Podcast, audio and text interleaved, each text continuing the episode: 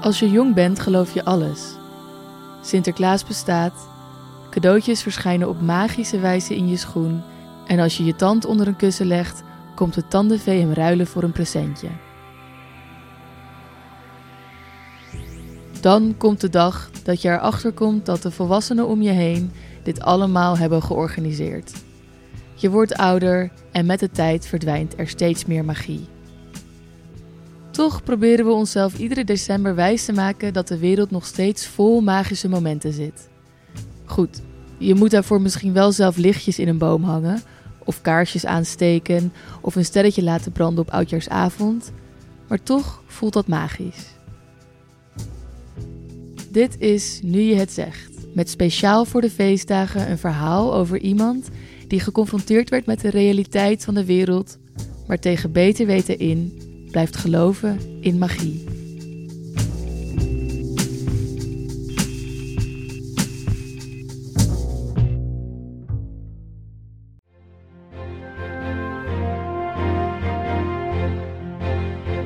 Beeld je dit in?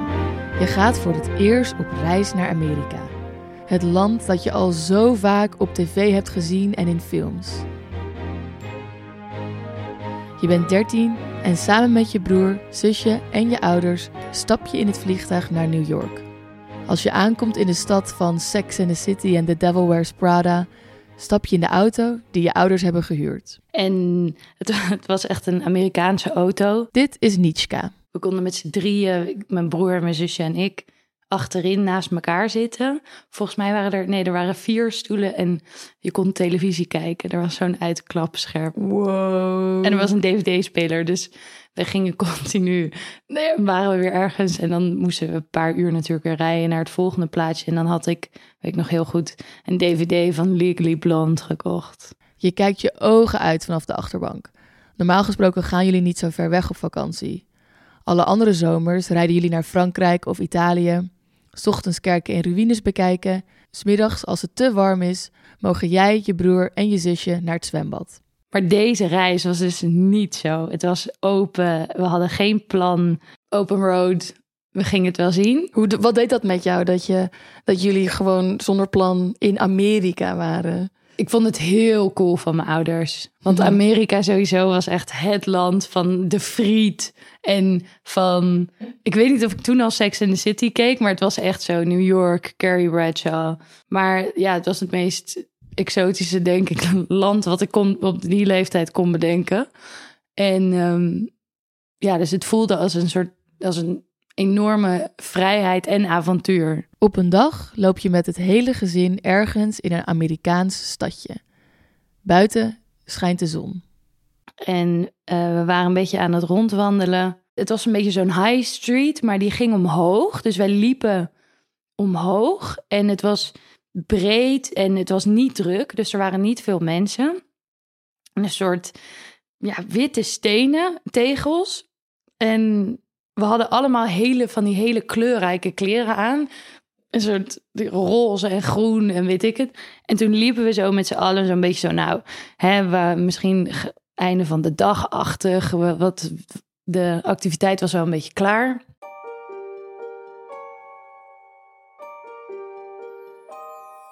En opeens hoor ik eh, mijn moeder zo, hey!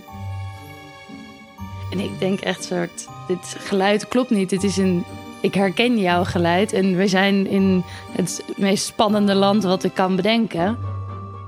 En ik draai me om en ik zie mijn oom en tante, mijn neefje en twee nichtjes daar staan.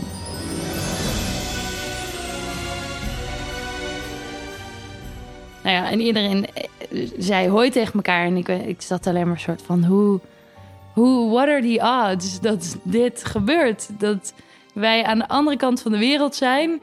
Nou ja, soort van. En eh, hier in een random dorpje lopen. En dan komen we mijn oom en tante tegen. De, gewoon het hele gezin. Dit is echt, ja, ik dacht op dat moment, hoe groot is de wereld eigenlijk? Want iedereen doet wel alsof hij heel groot is, maar ik kom gewoon op vakantie mijn eigen familie tegen. In een heel ver land. In een heel ver land. We moesten heel lang vliegen. En we, moesten, we hebben allemaal dingen gezien, geproefd, gehoord, geroken die we niet kenden. Hoe voelde je je toen? Ja, een beetje een celebrity. Omdat ik echt dacht van, ik ken misschien gewoon echt superveel mensen. dat, dat, misschien is dat het.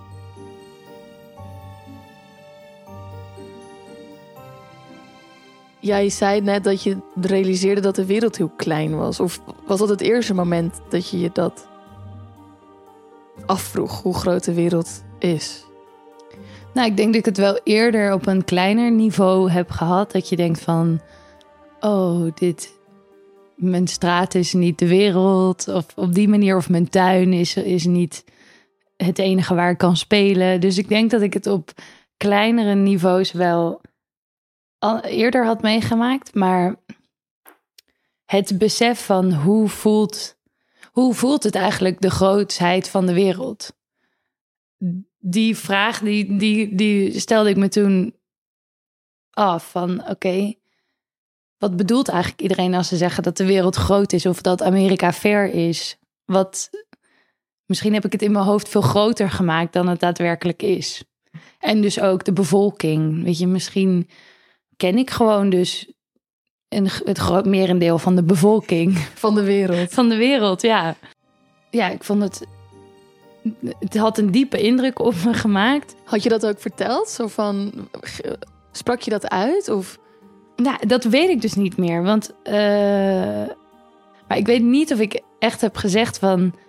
Wat een toeval dat we jullie hier tegenkomen. Want als ik dat misschien had gezegd, had ik ook al gehoord dat dat geen toeval was.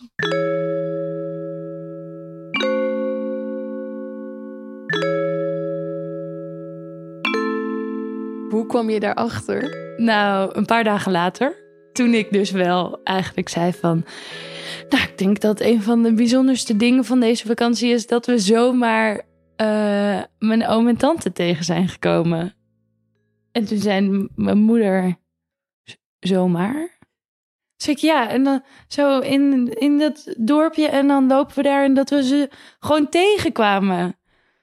En toen, toen moest mijn moeder wel een beetje lachen en die zei... Lieverd, dat wisten we van elkaar. We hadden afgesproken. Toen, uh, ja, kwam de realiteit hard binnen. Wat, wat voelde je toen? Wat... Schaamte. Oh, ik vond me echt zo sukkel. Dat, en naïef dat je dus inderdaad al die vragen van... Opeens besefte ik dat hoe groot de wereld was of zo. Dat dat dus ook niet zomaar zou gebeuren. Dat ik dus niet de meerderheid van de bevolking kende. Dat ik gewoon een sukkel was die, die dat had geloofd. En die daar dus ook vanuit was gegaan.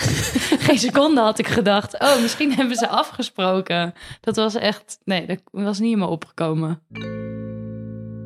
Wat heeft dat gedaan met je wereldbeeld? Um, ja, het is wel iets minder magisch dan, dan in dat moment.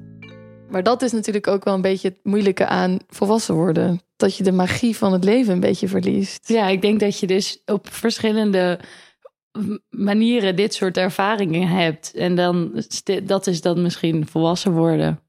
Als je groot bent, wil je dan niet meer spelen? Of mag het dan niet meer?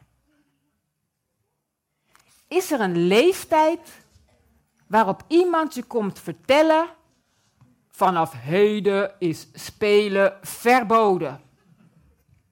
En wie zou degene zijn die mij dat kwam vertellen? Toen ik weer de zon inliep, zag ik de buurvrouw met een gieter achter mijn vader aanrennen. Het mocht dus nog. Opgelucht ging ik vissen in de beek. Ik nam mee een emmer en een tak met daaraan een touw. Een haakje had ik niet nodig.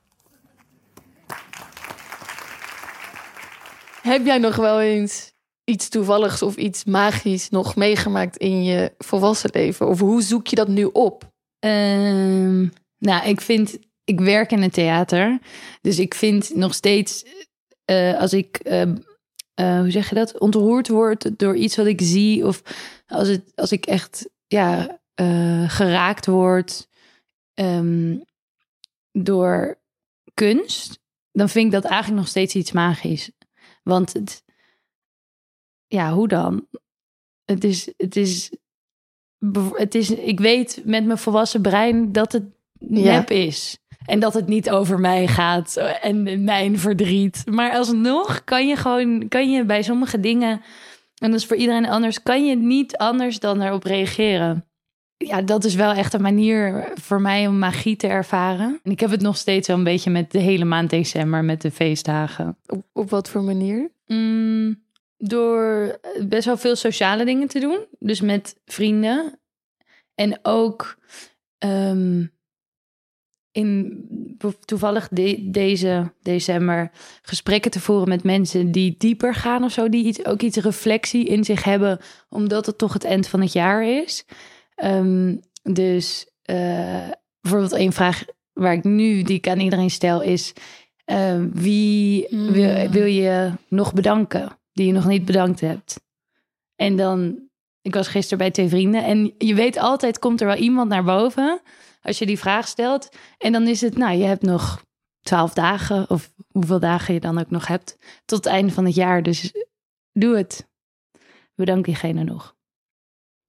Dus ik denk dat dat soort dingen ook wel een beetje een soort magie, eh, gevoel van magie inspireren. Ja. Je moet in het moment zitten om magie te ervaren. Zoals je naar kinderen kijkt die zenuwachtig zijn omdat Sinterklaas eraan komt of de kerstman. Eh, en dan hoe ze kijken naar de kerstman. Ja, die, die hebben op dat moment geen, geen zorgen aan hun hoofd. Die zijn echt niet bezig met nu of eh, later of vroeger, maar het is echt in het nu zijn. En dat zijn ook dat soort vragen of zo van goh, rondom dankbaarheid. Of dan Mm. voel je dankbaarheid ook. Hmm. Dus het is ook gelijk een soort actief iets wat in je lichaam gebeurt in het moment. Dit doet me denken aan Disneyland. Want in Disneyland lopen er allemaal figuren rond. Mickey, Minnie, Donald Duck, Daisy Duck. Weet ik veel wie allemaal. Daisy Duck? Ja, Wie is Daisy Duck? de vriendin van Donald. Dat heet... Ro- Eh, ja, sorry. Katrien. Dat, dat is Katrien. Sorry, in het Engels is dat Daisy. Daisy? Ja. Wow. Katrien Duck. Eh, en ik ben wel eens in, naar Disneyland geweest in Parijs. En je, je, je gaat dan op de foto met Minnie. En het is zo cool om Minnie te zien. Oh my god, daar is Minnie. Weet je wel, en dan ren je erheen en dan wil je er handtekeningen en zo. En dan ga je daarmee op de foto. En je, op het moment dat je daarmee op de foto gaat, voel je als kind ook wel dat daar een mens in zit. Dat daar iemand anders in dat pak zit. Je voelt dat echt wel aan. En ook dat diegene dus niet praat, expres niet. Snap je? Mhm. Maar dat maakt niet uit. Want het is Minnie. Het is echt zo. Ja. Ja. En ik weet toch niet hoe diegene er echt uitziet. Dus dit is Minnie nu. En ik denk dat we misschien als volwassen mensen leren om dan te zeggen: ja, nou ja, er zit gewoon iemand in dat pak. Terwijl we als kind ervoor kiezen om te zeggen: maar het is Minnie. Mhm. Of het is Sinterklaas. Of het is de kerstman. Dus dat we altijd als kind misschien toch ook wel begrijpen dat er twee. Dat de magie magie is en dat er erachter dus realiteit zit. Maar dat we er dus als kind misschien sneller voor kiezen om daar dus niet naartoe te gaan in ons hoofd. Magie is een keuze. Nou, misschien wel. Ja.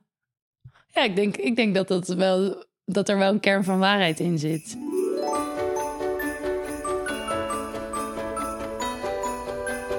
Dit was Nu je het zegt, een podcast van Ilvu. Mijn naam is Bianca Schrijver en ik deed de redactie, productie, montage en mixage voor deze aflevering. Research door Sophie Kok en eindredactie door Gijs Wilbrink. Muziek is van Tim Meijer. Heel veel dank aan Nitschka Wevers-Bettink voor haar verhaal. Wil je de volgende aflevering niet missen? Abonneer je dan nu op deze podcast in de app waarmee je luistert. Denk jij na het luisteren van deze aflevering: ik heb ook wel een alledaags verhaal om te delen? Dat kan. Mail dan naar post.ilfu.com. Dat is post apenstaartje ilfu.com.